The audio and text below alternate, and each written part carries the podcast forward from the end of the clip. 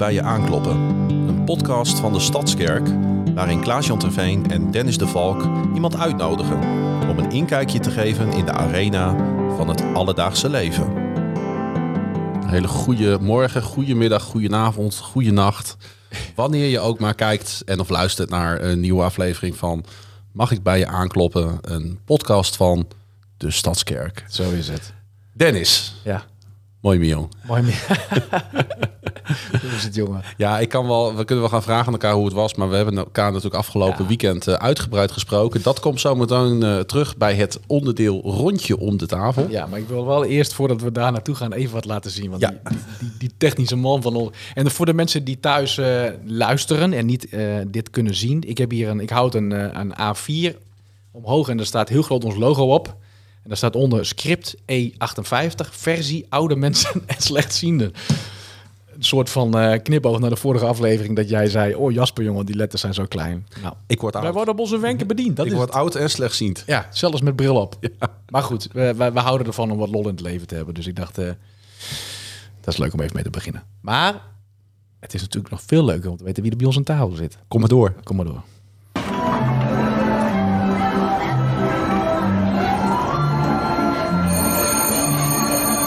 Rondje rond de tafel. Met Dennis, Klaas-Jan en Bibi Javani Zereist. Ik ben geboren op 31 maart 1977 en ik woon in Paddenbroel. Kijk, die achternaam, die moet ik nog een keer horen. Want dat... Javani Zereist. Ach, fantastisch. Ja, en die naam, dat heb je al een beetje verklapt eh, aan ons, komt natuurlijk vanwege jouw huwelijk. Ja, Ja, eh, waar komt die naam vandaan? Iran. Iran. Kijk Ja. eens aan. Nou, Hoe, hoe lang heb jij gedaan om die naam te, te leren beheersen? Eh, bijna twee jaar voor. voor ik, versta, ik versta iets met Havana en rijst, maar verder voor de rest... eh, nou, de meeste mensen komen niet verder dan Javani. Oh, dat ja. lukt dan nog wel, maar dat laatste gedeelte is voor hun toch moeilijk. En, en eh, de voornaam van jouw lieve man? Voor de Zo heil. Kijk. Ja, dat is zo'n ontzettend lieve man. Ja, echt een Ja, schat. dat kun jij natuurlijk beamen. Ja, Ja, ik ook. Ik, ik ken hem een klein beetje. Maar dat is leuk. Maar we zijn heel erg nieuwsgierig wie jij bent. Welkom. Hadden we nog niet gezegd. Of heb jij dat al gezegd? Maar bij deze. En we gaan eh, straks met elkaar in gesprek. Maar eerst even, waar je net al een beetje over begon. Vorige keer heb ik al wat verteld. Misschien is het leuk dat jij wat vertelt over onze trip.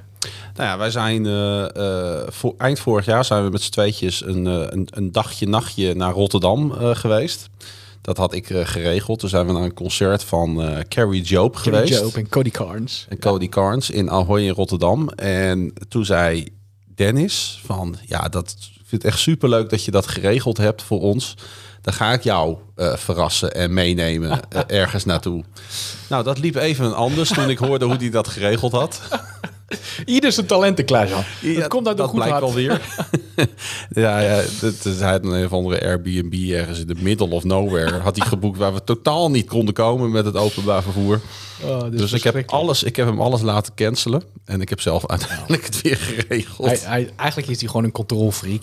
Ik kan dit niet zo goed loslaten. Maar als, als, ik heb het, als weer... het gaat om reizen, Ja. ben ik wel een beetje control Nou ja, freak. maar je hebt dat, ook- dat wil ik best toegeven. Je hebt er Ja. ook gewoon eh, verstand van. En je hebt het super goed geregeld. Ik heb enorm genoten. Het was... eh, We hadden een lekker hotelletje in het centrum van Tilburg. ja. En daar zijn we lekker uit eten geweest. En we zijn naar de film geweest. Dus eh, we hebben een ontzettend leuke dag gehad. En, ja, het was geweldig. We, gaan, we, we kunnen daar wel een podcast mee vullen met al onze belevenissen. Ja. Maar dat gaan we niet doen. en nu ben ik dus weer aan de beurt voor de volgende keer. Ja. Ja, en misschien moeten we dan het, eh, het gezelschap wat uitbreiden. Want eh, ik vermoed dat Jasper ook wel een keertje mee wil. Ja, wil je dat Jasper? Ja, Ja, Jasper, ook nou, ja. su- super enthousiast Ja, ja. vanuit de techniektafel. Jasper die wil wel mee. Oh, ja hoor. Daar moeten we dan een beetje over nadenken dan. Zo. Maar Bibi, heb jij nog wat leuks meegemaakt? ja ik ben eh, afgelopen zondag ben ik naar de Stratjesmarkt geweest in de Martini Plaza. En daar heb ik voor het eerst sinds een jaar mijn broer weer gezien. Kijk. Dus eh, Voor het eerst sinds, sinds een jaar. ja, sinds een jaar. En was dat een toevallige ontmoeting of een geplande ontmoeting? Nee, een toevallige ontmoeting. Oké. Eh, hij heeft eh, ehm, autisme en een ernstige vorm daarvan. En hij wordt dus begeleid. En omdat ik niet met mijn ex-stiefvader goed overweg kan... zorgt hij er dus voor dat ik hem niet kan zien. Maar op zulke momenten, omdat hij gek is op rommelmarkten... kom ik hem dus af en toe nog wel eens tegen. Oh ja.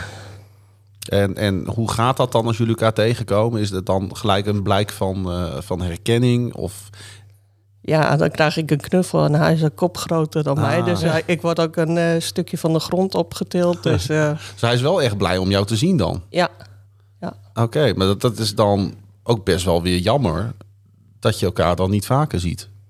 Dat is het. Maar ja, Ja, Ja, verdrietig eigenlijk. soms is het zo. Ja, ja, ja. ja. Maar mooi dat je hem hebt gezien. Ja, Ja, ik heb er ook echt van genoten. schitterend. Nou, we willen graag... Met wat eh, voor vraag gaan we aftrappen? Want we willen het natuurlijk... Ja, wij willen Bibi leren kennen. mhm. Nou ja, goed, ik, ik, ik Ja. bleef gelijk even hangen bij die achternaam. eh. Misschien is dat wel een goed startpunt. Want, nou, Ja, Toen herhaal hem nog eens. Nee, dat ga ik niet doen. Daar sta ik gelijk voor schut. Maar, maar, maar, maar eh, je bent getrouwd met een eh, man uit Iran. Dat, Ja. dat heb ik bij deze begrepen. Kun je daar eens wat meer over vertellen hoe dat tot stand is gekomen? Hoe ik hem heb ontmoet. Nou ja, ja, de- Ehm, nou, zo heel veel mannen uit Iran lopen er nou ook weer niet rond hier. Nou, dat zal je... Ja, dat zal je verbazen. Ja, als je, dat, is net als, dat is net als dat je een rode auto koopt, dan zie je opeens overal rode auto's eh, rijden. Dat is het. Ja. Nee, maar ehm, eh, ik ben in 2015 vanaf Spanje teruggekomen, want ik heb 16 jaar lang in het buitenland gewoond. En als je dan terugkomt, dan ben je gewoon dakloos. Joh, En ik had ook maar Oh. vijf kinderen bij me. Je direct maar even zo even plomp op tafel. Je Ja. kwam terug uit Spanje. Ja. Daar was je heen gegaan. Of je bent geëmigreerd of kun je daar zo? Geëmigreerd, Ja. ja. Ik heb daar 16 jaar lang gewoond. Alleen met de kinderen of met een... Eh, ik heb twee mannen daar gehad. Maar het is beide keren niet goed gegaan. Nee, Dus eh, Nee. ach ja, zo is het leven. En toen kwam je terug. En toen kwam ik Ja. terug. En toen zei ik nog tegen mezelf, ik ga nooit weer aan een man beginnen. Nee. Nee, Hele leuke belofte aan mezelf, maar ja. dat is niet Ja. gelukt. Nee, want ik kwam dus Sahel tegen in de Ja. daklozenopvang, want hij is ook dakloos geweest. Joh. Hij is eh, twee jaar langer dan mij dakloos geweest, geloof ik. Dus ik drie jaar en hij vijf jaar. Hè? Poeh, dat, dat is wel direct... eh, ik weet niet, ik moet altijd even... eh, ja, ik schrik er altijd een beetje van. Dus daarom begin ik een beetje te stamelen. Maar... Oké, kun, vertel daar eens wat over. Wat je wilt. Over hoe je hem ontmoette. Want je, ja, je komt hem dan daar bij die opvang tegen. Het, het was tijdens het, eh, een soort van kerstontbijt wat daar werd georganiseerd. En ik had hem voor die tijd nog niet eerder gezien, want ze hebben verschillende locaties. En hij kwam daar dus naar die locatie waar ik zat. En hij kwam naar binnen en hij ging zitten. Ja, degene die hem kennen, die weten dat hij vol enthousiasme is en zeer sociaal en ja, ja, ja, luid aanwezig. ja. En dat viel mij op en ik keek gewoon in die bruine kijkers van hem en ik was verloren. En Er is niet zoveel voor nodig bij jou, zeg maar. eh, Of, of hij was het complete plaatje. Dat kan hij, natuurlijk ook. nee, hij was voor mij een complete plaatje eigenlijk. Ja.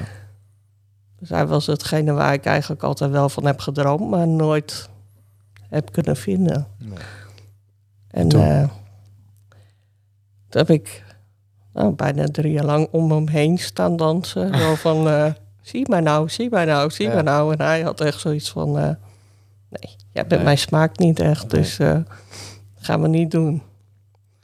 En ik geloof in het derde jaar, aan het einde van het jaar, toen kreeg hij een beetje interesse. Toen, toen zat hij te kijken naar mij en zegt, jij hebt gewoon iets. Jij bent lief, jij bent leuk, bent altijd gezellig, je wil ook leuke dingen doen. Zegt, volgens mij eh, is er toch wat meer. Ja. En uiteindelijk eh, heb ik besloten om mijn huis helemaal weg te doen en gewoon naar hem toe te gaan. Dus, Maar dat eh, was, eh, hoe, hoe lang, eh, want ik dacht, ik was in de veronderstelling dat jullie toen nog dakloos waren. nee. Maar dat was niet zo. nee, we hadden net eh, allebei rond dezelfde maand een huis gekregen. En toen hebben we nog drie, vier maanden apart gewoond, om het zo maar te zeggen.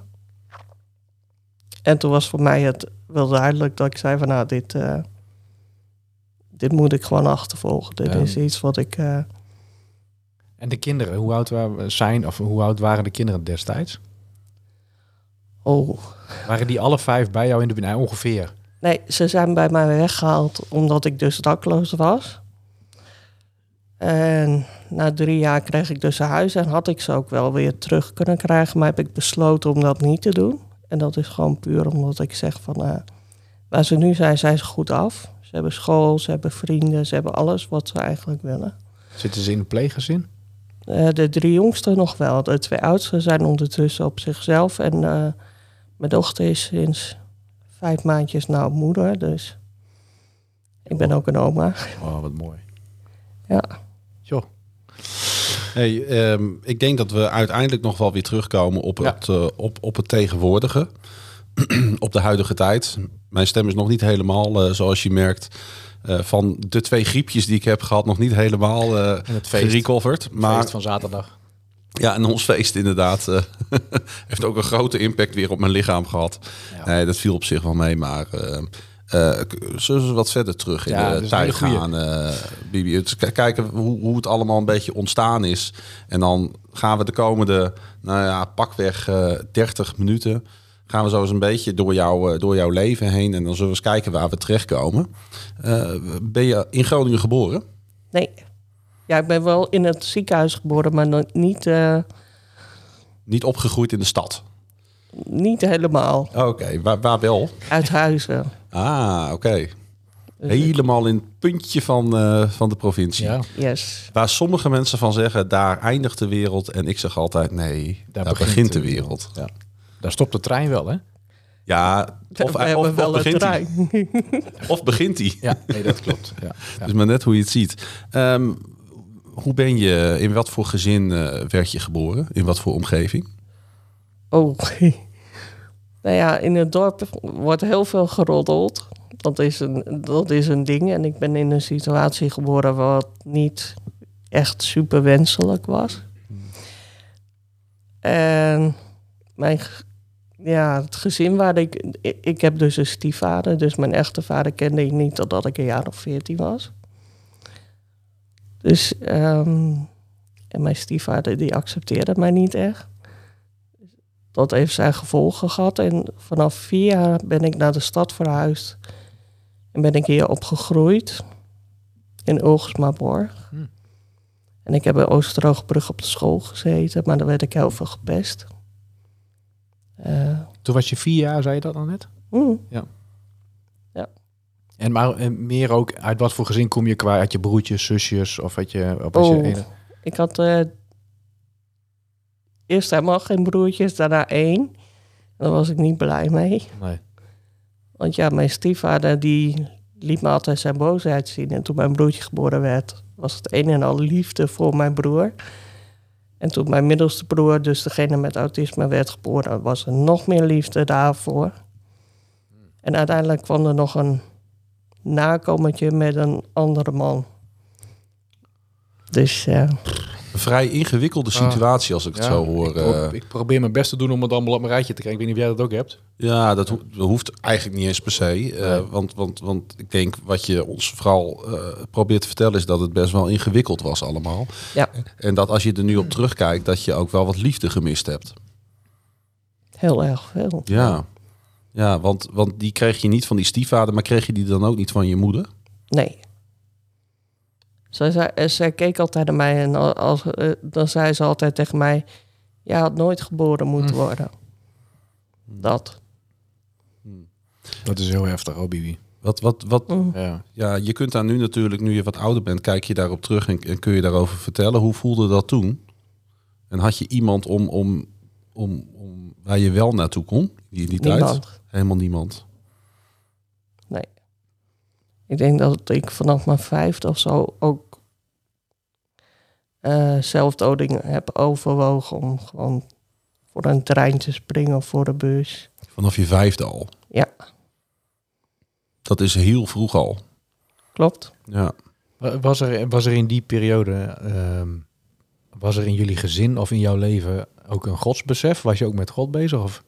Helemaal niet. Nee. Joh. Dat is dan, eh, ja, als je vijf bent, is het sowieso natuurlijk super ingewikkeld.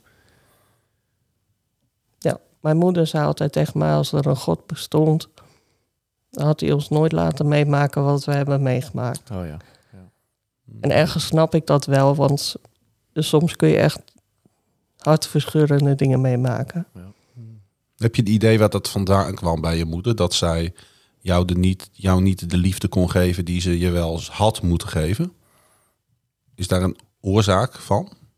Ja, ik ben, ik ben uit een verkrachting voortgekomen. Dus, eh, en ik, leek, ik lijk heel erg op mijn vader. Oké, op je echte biologische vader. Ik heb zijn ogen, ik heb zijn oogopslag, ik heb zijn uitdrukkingen. Ook met mijn stem ben ik vrij gelijk. Hoe, hoe weet je dat? Heb je hem leren kennen of weet je dat van je moeder? Ik ken hem. Oké. En kun, kun je daar nu, eh, dan maak ik even een sprongetje naar nu, kun je daar ook vrede mee hebben nu? Of heb je, Nu wel. ja, ik kan me voorstellen niet. dat het zo'n jarenlange worsteling is geweest. Ja hoor, Ja, klopt. joh. Hoe ontwikkelt zich zo'n zo'n jeugd zich dan? Want eh, je blijft geen vijf. Nee. Hè, je wordt op een gegeven moment eh, word je een stukje ouder. Je krijgt verantwoordelijkheid. Je gaat meer van de wereld snappen. werd het eh, alleen maar, werd het daardoor juist makkelijker of juist moeilijker? Moeilijker. Want ik had het gevoel dat niemand mij begreep. Hmm. Ik had het gevoel dat ik er gewoon helemaal niet bij hoorde. Dat er niemand echt eh, belang bij had dat ik hier was eigenlijk. Dus hoe meer ik opgroeide, hoe meer haatgevoel ik kreeg. Hoe meer ik eh, de boosheid die binnen zat, eh, toch binnenhield. Eigenlijk. Hoe zag dat eruit toen je, toen je, toen je eh, zeg maar uit die, uit die basisschooltijd kwam? Ehm, dan wordt de wereld natuurlijk alweer een stukje groter ook. Je gaat naar een grotere school waarschijnlijk. Want je moet naar school. Met dezelfde kinderen van de basisschool. Ja. Ja. Dus ik eh, heb mijn eerste schooljaar van de hogere school. Eh, heb ik geloof ik iets van 25 dagen daadwerkelijk school gezien en de rest gewoon helemaal niet. Was je dan gewoon weg of was je dan thuis? Dan liep ik gewoon weg. Ja. Dat was zo heftig. Dat hielp ook Ja. niet mee in de sfeer thuis, denk ik. Nee. Nee. Nou ja, mijn moeder die wist het wel, maar ze, ja, zij kon er niet echt wat tegen doen. Nee, nee. Ja, en, eh, ik ben heel erg benieuwd naar wanneer je eh, voor het eerst ging nadenken ehm, of je ging beseffen dat er meer tussen hemel en aarde is. Want ik, ik wil, ik wil zo graag naar, een, naar een, eh, een gedeelte in je leven waarin het goed is, om het zo maar te zeggen. Ik heb na vijf minuten ellende wel weer genoeg gehad. Ja, nou ja, het ik wil niets te kort doen aan je verhaal, maar het is natuurlijk wel... kijk, je wordt natuurlijk voor, voor een deel wel gevormd in die, in die eerste 15, 16 levensjaren. Die zijn Ja. natuurlijk ontzettend belangrijk. voor een nog heel groot gedeelte. Eigenlijk word je daar volledig gevormd. Precies. Voor de rest van je... Het is natuurlijk wel de realiteit die nog altijd... eh, je kunt de dingen die je meemaakt, zeg ik altijd, kun je niet opbergen. Je moet ze op de een of andere manier met je mee zien te dragen. Ja, Ja. dat klopt. En dat heb ik een hele lange tijd niet gekund. Nee. En ik wil het niet dramatisch laten klinken of erg, maar ehm, in 2013 overleed mijn oma. En ik zat in Spanje op dat moment en ik kon ook niet naar huis. En mijn moeder zei, oh ja, maar je hoeft ook niet naar huis, want je bent toch niet gewenst hier. eh, En dat was haar opmerking die dag. Ja. En ik, ik had het er met mijn ex over. Eh, hele lieve man trouwens hoor. in ieder geval.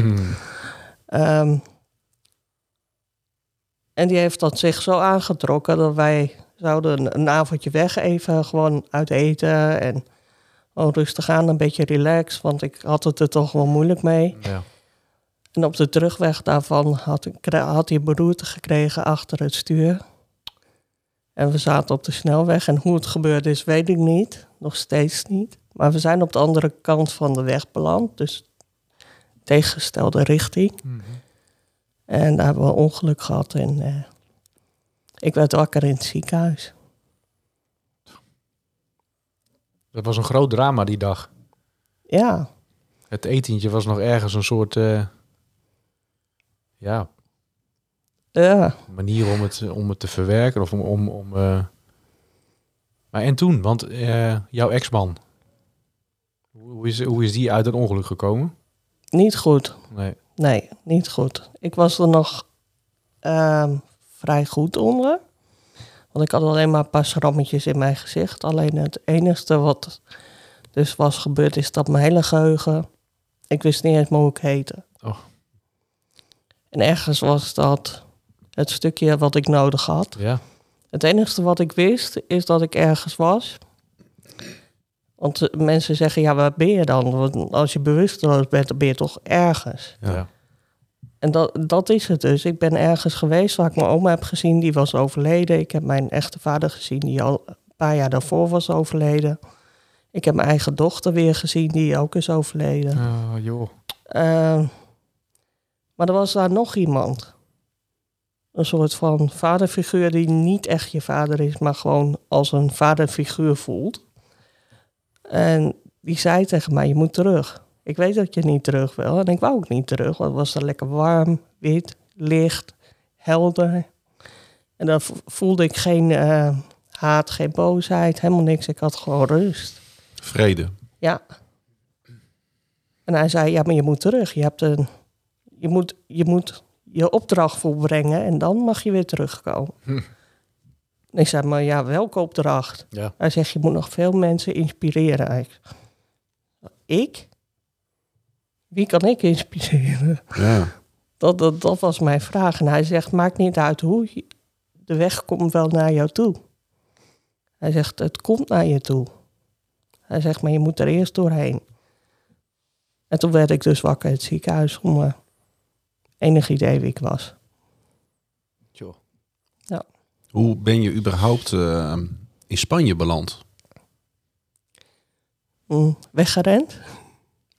Van familie, van problemen, gewoon van de nare herinneringen van de omgeving. Je wilde gewoon een nieuwe start. Ja. ja. Ja, nou dat klinkt vrij logisch als ik zo een ja. beetje op een rijtje zet uh, wat je hebt meegemaakt. Uh, waarom heb je voor Spanje gekozen?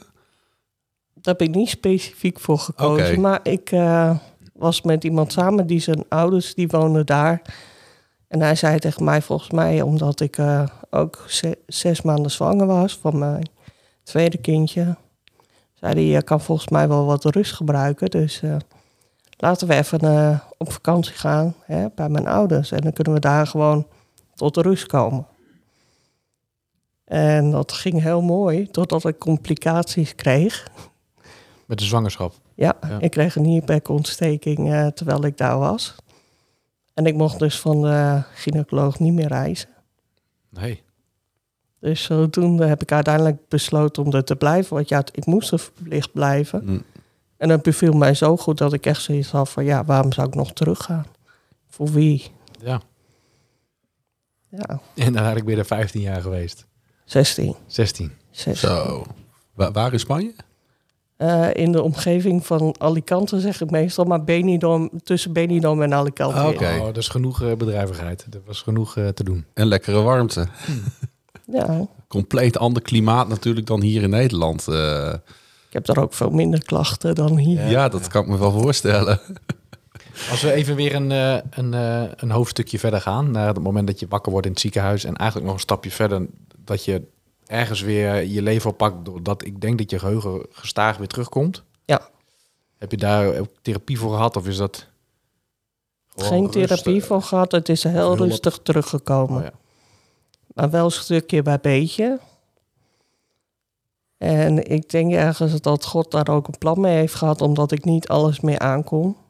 Uh, wat er was gebeurd. En elke keer is een stukje bij beetje wat er terugkomt. En dus heb ik de afgelopen jaren eigenlijk een soort van ja, traumaverwerking gedaan, maar per... Per onderdeel. Per onderdeel ja. eigenlijk. Ja. En ik heb het zelf gedaan. Ik heb geen hulp gevraagd, want ik heb wel eens ook wel eens bij een psychiater gezeten die alleen maar kon zeggen, oh wat zielig, oh wat erg, oh wat zielig. Ik zeg, maar ja, daar heb ik niks aan. Geef me iets om er wat mee te doen. Ja. Dus... Zou je kunnen zeggen dat achteraf dan dat, dat moment in, die, in dat licht, uh, dat dat is, was, was dat jouw eerste echte aanraking met God? Voor mijn gevoel wel. Ja. Daar is wel iets ontstaan op dat moment. Hij Ja. is heel duidelijk. Heeft hij bij jou aangeklopt Ja, op dat moment? heel, va heel vaak na een ernstige gebeurtenis, hoe, hoe gek het ook klinkt, dan komen mensen op mij af met een Bijbel en zeggen: Weet je dat er iemand is die van je houdt? En dan drukken ze een Bijbel in mijn handen en zeggen: Hoe weten jullie mij te vinden, zelfs in Spanje? Nee. Echt. En dus ik wist wel ergens dat er iets meer was, maar ik durfde niet goed, omdat je toch familie hebt die zegt: eh, Nee, dat is slecht, dat is Ja. niet goed. En Ja. dan is, er- is die stap gewoon moeilijk. Was het ook voor het eerst in, ehm, in je leven dat je je geliefd voelde? Ja. Want dat had je daarvoor niet. Nee. Kun je omschrijven hoe, dat gevoel is? Eh, als je dat voor het eerst meemaakt en eh, ja, wat het met je doet? Eh, de omschrijving die ik, die, die ik altijd geef, is dat ik mij van binnen heel warm begon te voelen. Dus heel anders dan wat ik normaal had. Ik ben meestal afgesloten, heel donker en heel donker qua gedachten. Maar wat ik tegen mensen ook zeg, het was net alsof iemand mijn ballon had lek geprikt. Dus de bubbel die ik zelf had gemaakt, die had iemand lek geprikt voor mij. De duisternis moest wijken. Ja. Tjo. Maar wat een bijzonder, eh, wat een bijzonder moment moet dat zijn geweest. En, en hoe, hoe heeft dat jou daarna eh, gevormd en, en geholpen? Ik kon meer helder kijken naar dingen die gebeuren in mijn leven. Ik kon eh, veel gemakkelijker beslissingen nemen over bepaalde dingen waar ik normaal eigenlijk voor wegliep. Ehm, uiteindelijk heb ik ook besloten om bij de man bij wie ik was weg te gaan. Uiteindelijk kwam ik erachter dat hij toch niet zo'n hele goede man was. Ehm, en om mijn kinderen op de eerste plek te zetten. Ja. Dus je hebt uiteindelijk de beslissing moeten nemen om bij hem weg te gaan. En die beslissing eh, viel samen met jouw terugkeer naar Nederland, denk ik. Ja. Eh, maar toen waren de problemen nog niet voorbij, weten we ondertussen. Nee, Want toen kwam je hier en toen had je helemaal niks meer. klopt. Hoe ehm, kun je ons gewoon eens meenemen, misschien ook wel gewoon praktisch? Ja. Van, van- want ik probeer me een beetje een voorstelling te maken hoe dat dan gaat. Je komt terug in Nederland, eh, je landt op Schiphol misschien. Ga ik vanuit? auto of mee? Of komt met ik een was auto? met de bus. Met een Ja. bus, ja precies. En dan stap je uit met je kinderen. Ja, en dan heb je niks. En Dan dan? sta je met je koffers. Ja, en dan? En ik had geen geld voor de trein, dus we zijn met, het, zwart met de trein mee, eh, meegereisd. Ja, Eh, terug naar Groningen? ja. ja, want ik wou eigenlijk naar Den Haag of ergens anders heen... waar ik wist dat de daklozen eh, snel een plekje krijgen. Helemaal als je kinderen hebt, dan ben je gewoon snel aan de beurt. Mhm. Maar je had dus gewoon, terwijl je terugreisde, wist je al, ik heb geen plek om naartoe te gaan. Ja, het Ja, enige ja, de er- dakloze opvang, maar niet vrienden, familie, dat was er helemaal niet. had ik niet, nee. Oh, wat eh, ontzettend verdrietig. Ja, eigenlijk wel. Ja. En toen kwam je terug in Groningen. En hoe, hoe, hoe wat, want, want je wilt allereerst denk je aan je kinderen. Nog veel eerder dan aan jezelf waarschijnlijk. Ehm, wat zijn dan de stappen, eh, niet heel uitgebreid hoor, maar gewoon, wat, wat zijn dan de stappen die je neemt om in ieder geval ervoor te zorgen dat er weer een, een dak eh, boven hun hoofd komt? Eh, daar had ik niet veel keuze in. Nee. Dat was veilig thuis en die waren zo weg. Dezelfde dag als dat ik aankwam. Dus Toen hebben ze de kinderen bij jou weggehaald.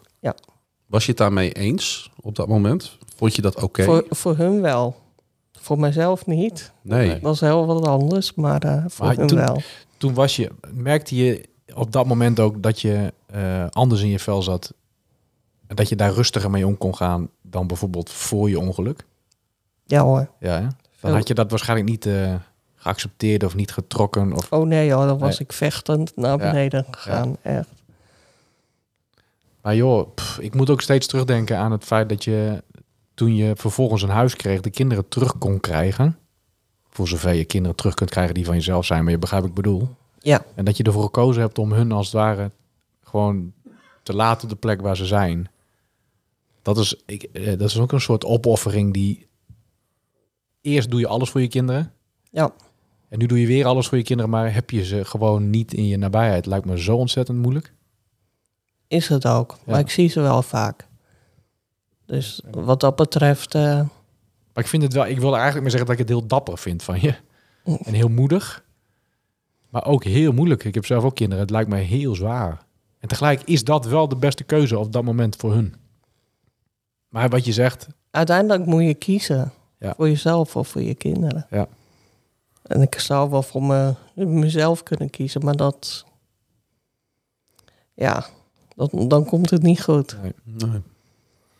Hoe is het om, ehm, om dakloos te zijn? Heel zwaar. Want ik weet niet eh, of je een voorstelling kan maken van hoe dat gaat. Want in een nachtopvang dan ben je van tien uur s ocht- s ochtends ben je op straat tot tien uur s avonds. En dan kan je weer naar binnen. Maar je moet ook bellen om elf uur. Om een plekje te regelen. Als je niet op tijd belt, heb je geen plek. s ochtends moet je om 11 uur bellen. Ja. Dat, is, eh, dat was echt af en toe een ramp. Want ik kom er echt niet doorheen. Ach, Dus je, heb je ook eh, regelmatig nachten gewoon op straat moeten doorbrengen? Gelukkig niet. Oké. Gelukkig niet. Ik was zo slim genoeg om. We kregen dan een dakloze uitkering, maar ik was wel slim genoeg om wat extra op zak te houden. Mocht er een nacht zijn dat het echt niet anders kon. Dat je bijvoorbeeld een Airbnb of zo eh, kon vinden. Ja. Op een iemand kon overnachten.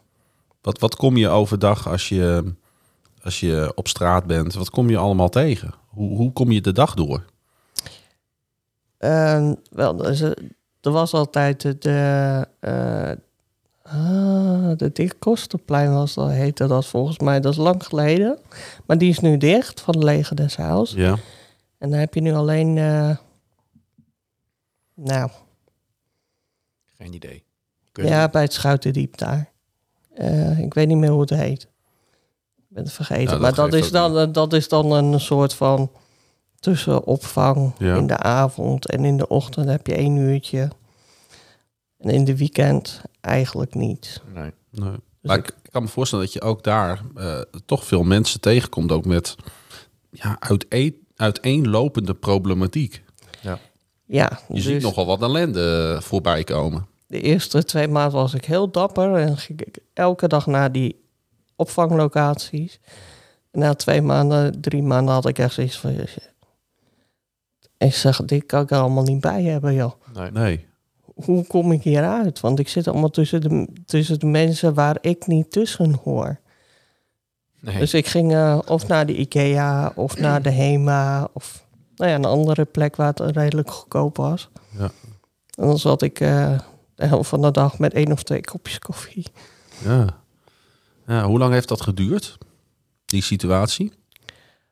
Eh, poeh, bijna zes maanden. En toen kreeg ik dus een kamer bij de opvang. Een soort van studiootje. Mhm. Hadden ze in die tijd. En daar heb ik eh 2,5 jaar gewoond. Dan had je echt in ieder geval een plekje voor jezelf. Ja, Jouw bed, jouw spulletjes.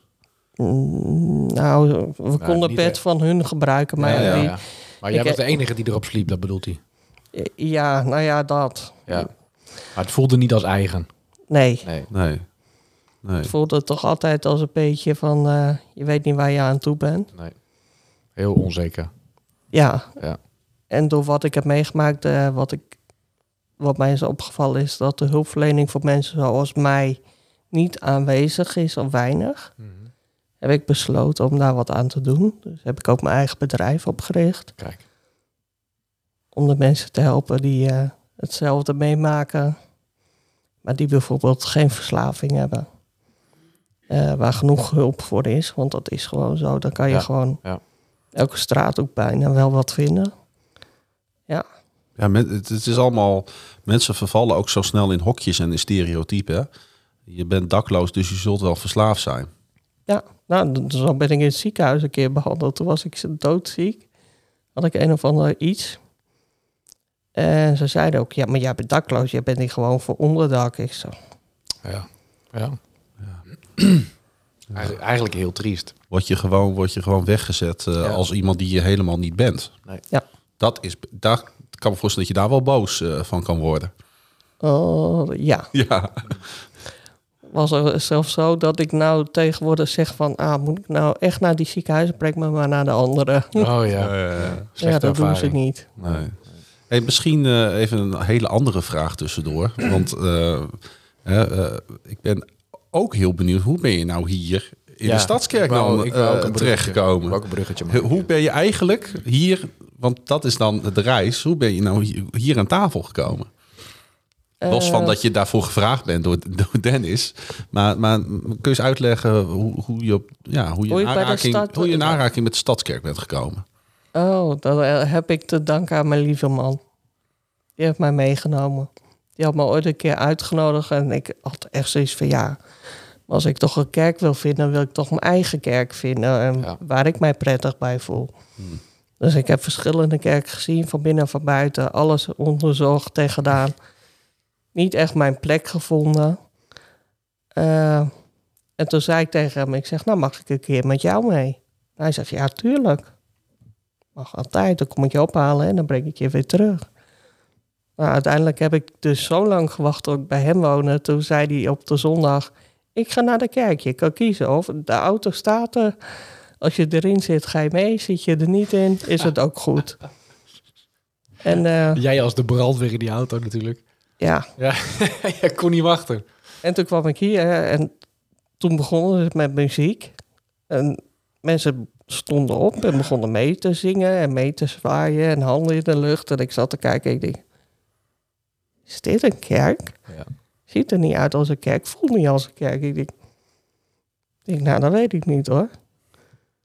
Ik, ik was nog nooit in een, ja, ik was wel een keer in een katholieke kerk geweest, maar heel anders dan Ja. dit. Dat had je nog nooit meegemaakt. Klopt. Ja, Maar het voelde wel heel prettig, want iedereen was heel warm en niet eh, afwijzend kijken, weet je wel. Ook niet dat ik meedeed, dan niet meedeed, of maakte ze eigenlijk helemaal niet uit. Hmm. Dus je mocht er gewoon zijn. ik was gewoon aanwezig en het was gewoon warm. Ja. Prachtig, joh. Ja, ja, maar je had natuurlijk al een aanraking gehad eh, na dat ongeluk. Ja. Eh, dus je wist al wel een klein beetje dat, dat je... nou, je, wist al- je wist al wel van er is iets. En er zorgt iets voor mij. Wat het precies is, weet ik misschien nog niet helemaal. Maar je bent hier niet helemaal blanco eh, gekomen. klopt. Ehm, dat gevoel van toen, of in ieder geval die aanraking van toen, kreeg je dat weer hier? Ja, daarom heb ik ook voor deze kerk gekozen. Van mijn dichtste bij. Kun je eens uitleggen hoe, eh, hoe God opnieuw eh, bij jou kwam? Eh, nou ja, na de eerste keer had ik echt zoiets van... oké, hier moet ik even over nadenken wat er hier is gebeurd. Hier, hier moet ik, dit moet ik eens even laten bezinken. Eh, ik denk, nou, de volgende keer ga ik nog even niet mee. Even kijken, toch even Ja. naar mijn gevoel luisteren. Maar de volgende keer zat ik net zo hard weer in die auto... en ik bleef telkens in die auto zitten, elke zondag maar weer. En op de duur hadden ze het over doopdiensten... En toen had ik eentje meegemaakt en ik had echt zoiets van... Dat is het. dat, dat, dat moet ik doen. Wat, Dus wat, in- wat, zit, er in dat, wat, wat zit er in dat dopen, wat, wat zo belangrijk eh, voor jou is? Ehm, nou ja, ik heb erover gedroomd eigenlijk. En in mijn droom eh, voelde het net alsof ik opnieuw eh, een persoon werd. Een nieuw Mhm. persoon eigenlijk. Ik weet niet hoe ik het anders moet uitleggen. Gewoon iets Ik wat je dat nieuw uit de eh, verpakking uitlegt. haalt. Ja, Dat eigenlijk. Dat, dat is de doop, hè? En ik voelde het ook letterlijk toen ik uit het bad Opstaan, hè? kwam. Opstaan in een nieuw leven, ja. Ja, ja. Joh, wat een reis heb je meegemaakt. ja. Poeh. En je vertelde voordat we eh, begonnen met opnemen ook ehm, dat je je nu, en daar vertelde je net ook al wat over, dat je een eigen bedrijf hebt. Dat je heel erg graag wilt inzetten om eh, nou, vanuit een rol als ervaringsdeskundige ook andere mensen te helpen. Ja. Kun je daar eens wat over vertellen, over hoe dat nu gaat? Ehm, eh, ik ben ermee bezig, laten we het zo zeggen. Ik heb al eh, iets van drie gezinnen geholpen buiten de kerk om. Nu ben ik met één persoon bezig van de kerk Ja. uit, die hier ook komt. Ehm, ja, ik, ik, ik, ik zet mij zoveel mogelijk in. En Ja. sommigen zeggen, ja, het is een beetje te veel van het goede. Maar ik, ik denk, niks is te veel. Nee. Maar ga je dan praten, luisteren? Heb je eh, adviezen? Hoe moet ik me dat voorstellen? Dat doe ik allemaal. Maar ik, ik pak ook de telefoon. Ik ga bellen. Ik ga ook met mijn netwerken o- Ja. overleggen. Want ik heb een heel groot netwerk opgebouwd ondertussen. Ja. En eh, dan ga ik ze toch om advies vragen van... hé hey, joh, wie weet er wat? Of wie zou er kunnen helpen? En En gaat dat- meest, sorry dat ik je onderbreek. Gaat dat dan ook om mensen die dakloos zijn in de basis? meestal wel. Ja. Daar doe je wel. enorm je best voor om die ergens... eh, In ieder geval ergens te krijgen. Ja, desnoods bij jezelf, wat je al... eh, Ja. ja. Joh. Ja, officieel mag het niet, maar ik Nee. doe het wel. Ah, er is toch niemand die meeluistert. Niemand belangrijk in Nee. ieder geval. Nee. En anders, dan komen ze maar bij ons. Ja.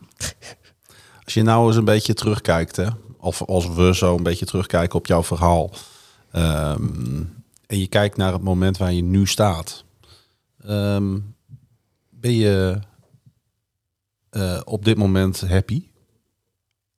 Waar ik nu sta? Ja. Ik ben nou eindelijk wie ik ben. Ja, want het heeft even geduurd.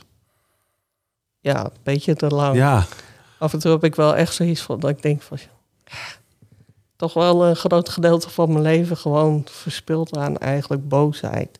ja, Eigenlijk best wel jammer. Maar joh, wat is het ontzettend goed voor te stellen dat jij veel boosheid hebt gekend. Ja, Maar hoe mooi is het dat je nu eigenlijk voor een groot... Ik kan me bedoel, boosheid is ook helemaal niet altijd slecht, hè? Dat is ook een emotie die de Heer heeft gegeven. En als je er maar op een goede manier mee om kunt gaan. Als het je maar niet verteert en opvreet van binnen. Hoe, Nou, mooi, hoe mooi is het dat je daar nu op een hele andere manier over kunt praten. Dat is echt eh, bewonderenswaardig. ja Toch prachtig? klopt. Ja, en wie, wie weet waar je over tien jaar staat, over twintig jaar. Hoeveel mensen je kunt helpen, kunt inspireren. Heb je ook het gevoel dat je mensen, dat je mensen inspireert?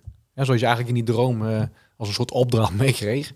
Ja, Ja. want eh, sommige mensen die ik heb geholpen... die komen ook echt later nog terug om mij echt persoonlijk te bedanken. Zoals afgelopen kerst, eh, een van mijn deelnemers die ik ooit heb begeleid... die kwam met een kerstcadeautje aanzetten. Ja, Ja. ja prachtig. ja, dat is echt heel tof inderdaad. Ehm, als je nu, sorry, we zijn nu toch, hè, we gaan een beetje richting het eind eh, van het gesprek ondertussen. Dus ik, ik vraag me toch nog een paar dingen af. En ik denk niet eens dat we alles aangestipt hebben wat je hebt meegemaakt. Nee. En wat je is overkomen en wat je ook misschien wel is aangedaan. Eh, als je daar nu op terugkijkt, hè, op, die, op die hele periode. En je kijkt ook terug naar die mensen die jou ehm, die liefde ontnomen hebben. En die jou op wat voor manier dan ook ehm, ja, eigenlijk misbruikt hebben. Als je daar dan nu op terugkijkt, ehm, kun- je daar dan met wie je nu bent op een andere manier op terugkijken dan toen je Jezus nog niet kende? Ja, want het meeste heb ik gewoon vergeven. Dat heb ik geleerd, dat vergeving een heel groot ding is. Helaas kan ik één persoon nog telkens niet vergeven, maar dat komt omdat het zo diep zit dat het Ja. gewoon nog niet helemaal verwerkt is. Maar de rest heb ik eigenlijk allemaal vergeven. En dat is wel, eh, eh, ja, sinds ik toch hier kom, dat ik dat eh, heb geleerd eigenlijk. En merk je ook dat het, dat het je helpt? Ja, het helpt mij heel erg. Zorg ervoor dat ik nog rustig blijf en gewoon eh, ja, Mooi hoor. verder kan met mijn leven. Ja. Dus als mensen vragen van wat is de kracht van vergeving, dan is dat ook dat, je, dat jij zelf verder kan. Ja. Ja.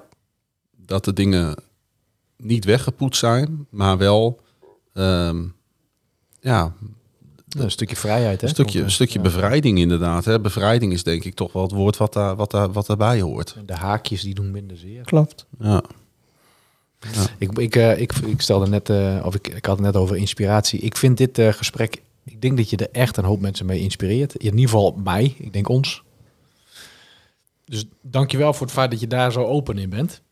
Want dan gaan we nu wel echt eh, naar eh, de vier minuten vandaag van Roelof.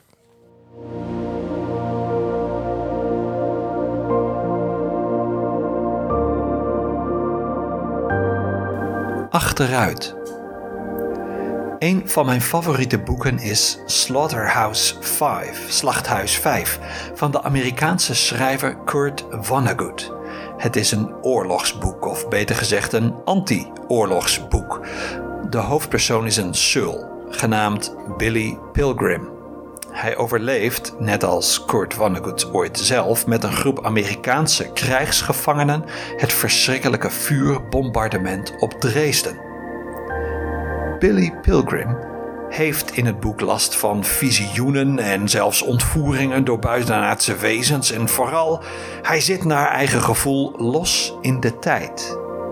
Unstuck in time, zodat hij van het ene op het andere moment van 1965 naar 1945 getransporteerd kan worden. De tijd vliegt alle kanten op voor Billy en hij wordt er een soort van tijdzeeziek van.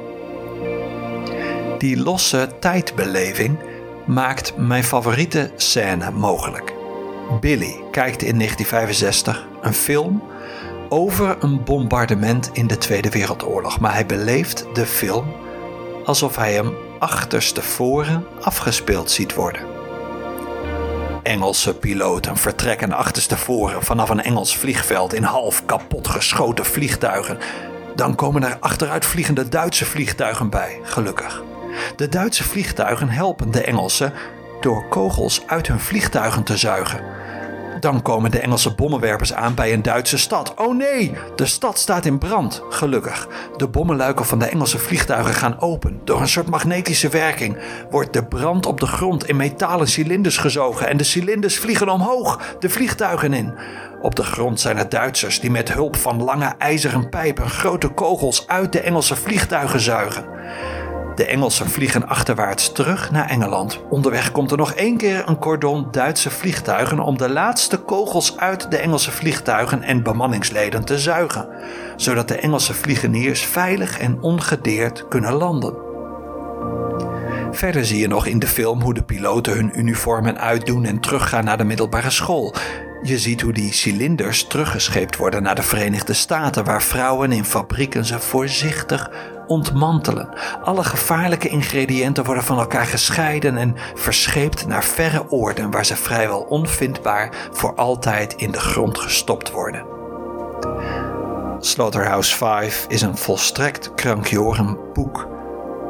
Ik heb het wel een keer een vijf gelezen. Het is ook niet zo dik, zo mooi vind ik het.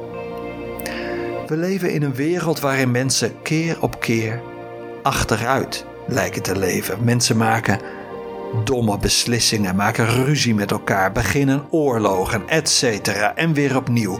Het is alsof we als mensen maar één ding willen: weg bij God, weg bij vrede, weg bij wijsheid, weg bij verzoening.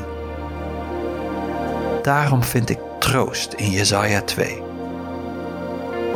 Alle volken maken daar ineens een tegengestelde beweging. Ze trekken op naar de berg van de Heer. Ze willen leren van God hoe te leven. God zal recht spreken en vrede herstellen en de mensen zullen zwaarden omsmeden tot ploegscharen en hun speren tot snoeimessen. Ik denk dat ik vandaag maar vast begin met achteruitlopen. Ja, en bedankt weer uh, Roelof voor vier minuten deze keer Ja. over uh, achteruit gaan. Achteruit lopen. Ja, ik denk dan wel eens, je hoeft het acht uur dan maar aan te zetten. En je weet hoeveel mensen er achteruit lopen op deze wereld. Ja. Ja, zeer, zeer inspirerend verhaal. eh. Ik, ik, ik kende de film en het verhaal. eh, Ik heb nooit van gehoord. Nee, jij wel, eh, Bibi? Ja, ik had toevallig net eh, op Facebook een stukje gelezen, omdat die is- ook weer vertoond wordt ergens in. eh, Oh. bij- Ja, dit is echt bijzonder dit. Dus, eh, en daar Nou. ben ik ook weer voor uitgenodigd. Ach. Dus eh, Dat voor, voor, netwerk, hè? voor specifiek de film waar Roelof het Ja. over heeft. Nou, ja, Nou, dan is dit wel een zetje die kant op, denk Ja. ik. eh. daarom. ja. schrijven ze jouw naam maar op. Bibi. daarom. Ik zal dan gewoon je andere achternaam doen, maar dan is het... Ja, Ja, ze Fanny niet uit. Ceres. Ja, goed zo. Hey, ik heb zin eh, in een stukje muziek, eh, Dennis. Nou, ik ook.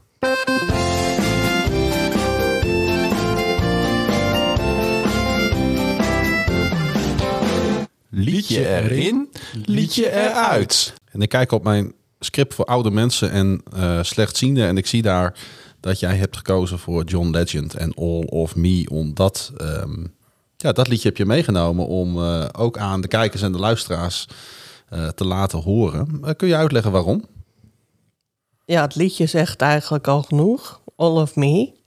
Dus ik wil laten zien wie ik ben in zijn geheel. En wie ik als persoon ben, eigenlijk. Oké, gaan we gelijk naar een stukje luisteren. You're my end and my beginning. Even when I lose, I'm winning. Cause I give you all of me. Ja, dat is eigenlijk te kort, hè? Ah, het is toch geweldig. I give you all of me. Dat is echt ook, er zit ook, ja, er zit een hele mooie overgave ook in. Het Ja. is natuurlijk liefdeslied, maar dat is ook ons liefdeslied naar de Heer. Nou ja, waar ik aan moest denken is, het, het, het zegt ook iets. eh, ik denk dat je dit ook hebt uitgekozen om iets over jouzelf, eh, dat, omdat het iets over jou zegt. Hè, dit is Bibi, dit is wie ik ben. En eh, daar moet je mee doen. Zeker Met, door met al mijn hebbelijkheden en onhebbelijkheden. Ja, Ja. Die entire package. ja. Hey, er moet ook één uit. Ja. Weet je nog Want welke je zo, hebt zo, zo zit het nou eenmaal in elkaar, dit, eh, dit onderdeel. Ik weet het nog. Ik eh, had voor nummer 4 gekozen. Ja. Laat het licht zijn van Rijer en Eline.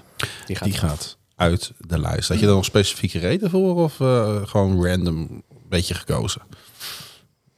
Ja, dat is een dingetje van mij. Ik kan niet zo van Nederlandstalige. Oh, Oké, kijk. nou, dat is, een, dat is een goede reden hoor. Dat, eh, dat kan.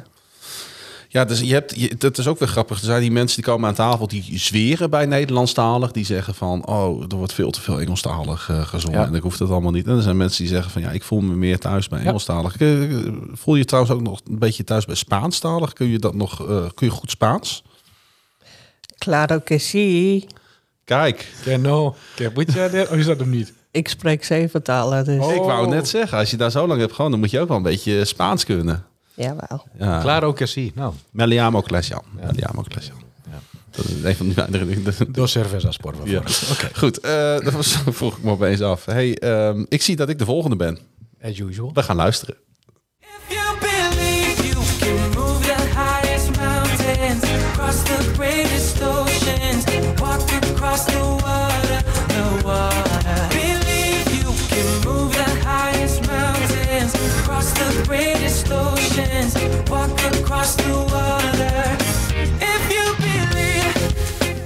Zo, dit is wel, eh, dit is wel lekker. Hij is lekker, hè? Dat is ook lang. Ja. Je zit er vast geen Ik denk, ik ga eens een keer voor, eh, ik ga eens een keer voor wat vrolijks.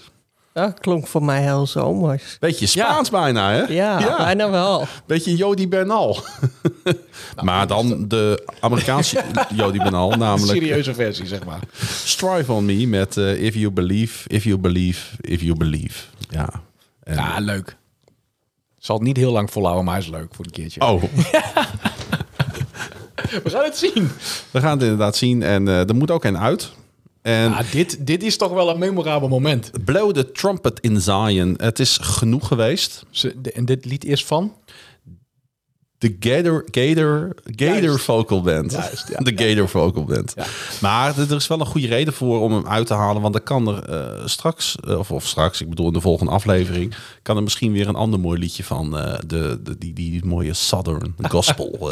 Mensen zijn er nu wel aan gewend. Ja. Dus het is, je hebt weer wat zaadjes geplant en dan kom je straks weer met zoiets. Precies. Ja, dat is leuk. Ehm, had je ook al gezegd welke eruit moest? Ja. Oh ja, dat is deze. Sorry. Wil je, wel een beetje, ben- wil je wel een beetje opletten? Anders voelen de mensen zich helemaal niet serieus Ja, nee, genomen ik, ben, thuis. ik ben zo eh. gewend dat jij dat juist erin doet. Maar goed. Heb je zelf ook Ik heb gekozen voor echt... Sowieso, dit lied heeft twee fans. Want Jasper is met mij helemaal fan van Raquel Lampa. Of Lampa. Ik ken haar niet. Zou het wel goed willen uitspreken? Ja. Nou, heb jij nog een tip? Perfectly Loved. Heel goed, we gaan luisteren.